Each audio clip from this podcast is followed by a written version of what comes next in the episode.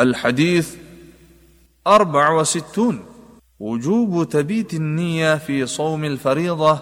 قبل طلوع الفجر وفرزيرو جني ولوكي دشبينا نيتك والواجب دي عن حفصة رضي الله عنها زوج النبي صلى الله عليه وسلم عن النبي صلى الله عليه وسلم قال من لم يجمع الصيام قبل الفجر فلا صيام له د نبی کریم صلی الله علیه وسلم بیبي بی حفصه رضی الله عنها څخه روایت ده فرمای نبی کریم صلی الله علیه وسلم فرمایلی دي چا چې د روجي لپاره د سبار اخاتلو نمخ کینیت اونکړو د هغه روجا نشته ده د دې حدیث راوی حفصه بنت عمر ابن الخطاب رضی الله عنهما صحابیه ده د نبی کریم صلی الله علیه وسلم د بعثت څخه پنځه کاله مخکې زګیدلې ده او د خنیس بن حذافه السهمی رضی الله عنه سره اول نکاح شوی و او د هغه بیبي و حفصه رضی الله عنها د خپل خاون سره یو ځای اول حبشي ته هجرت وکړو او همدارنګه به د خپل خاون سره یو ځای مدینه ته هم هجرت وکړو خنیس بن حذافه رضی الله عنه د بدر د غزا نه رسو د احد په غزا کې شریک شو او په همدی غزا کې د احد او په همدی غزا د احد کې زخمی شو بیا د همدی زخمونو له امله په شهادت ورسید او حفصه رضی الله عنه او حفصه رضی الله عنها په داسې حال کې پاتې شو چې عمر د شلو کالو په خوا او شا کې و عمر بن خطاب رضی الله عنه ډیر غمجن شو ځکه چې لور یې د ډیرې ځوانۍ په مهال د خاوند د سعادت څخه محرومه شوه کله چې به عمر بن خطاب رضی الله عنه خپله لور حفصه رضی الله عنها په دې حال لیدله غم به نور هم زیاتېدلو کله چې د حفصې رضی الله عنها عدت پوره شو عمر رضی الله عنه د هغې په باره کې ډیر فکرمند شو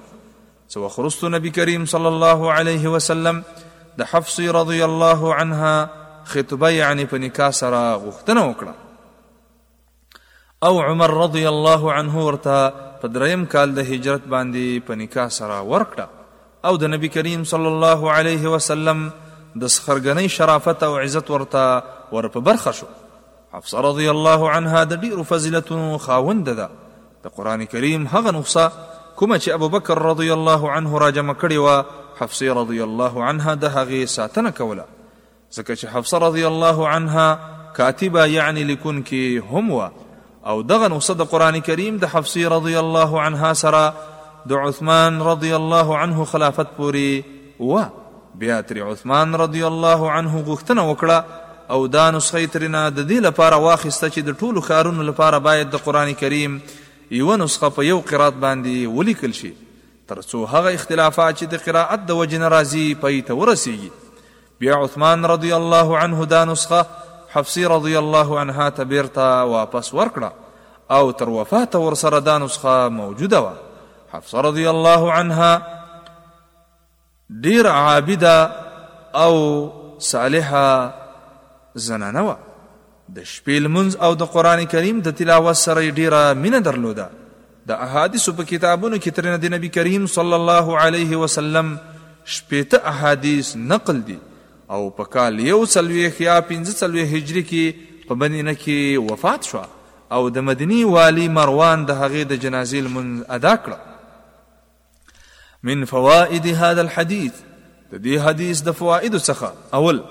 په فرض روزه نیولو کې لکه د رمضان روزه نیول او یا د هغې قضا راوړل او همدارنګه د نظر او کفارې روژه نیول په دې ټولو کې باید د روژې نیت د شپې نه وکړی شي او نیت په زړه سره کیږي او خله باندې د نیت الفاظ ویل جایز نه دي دوهم دا حدیث دلالت کوي چې فرضي روژه نیولو کې نیت کول د شپې نه ضروری دي او نفلي روژه نیولو کې د ورځې نه نیت هم صحیح کیږي خو په دې شرط چې د سبا راختلو نه بعد یې څه خوراک وغیره نه وي کړی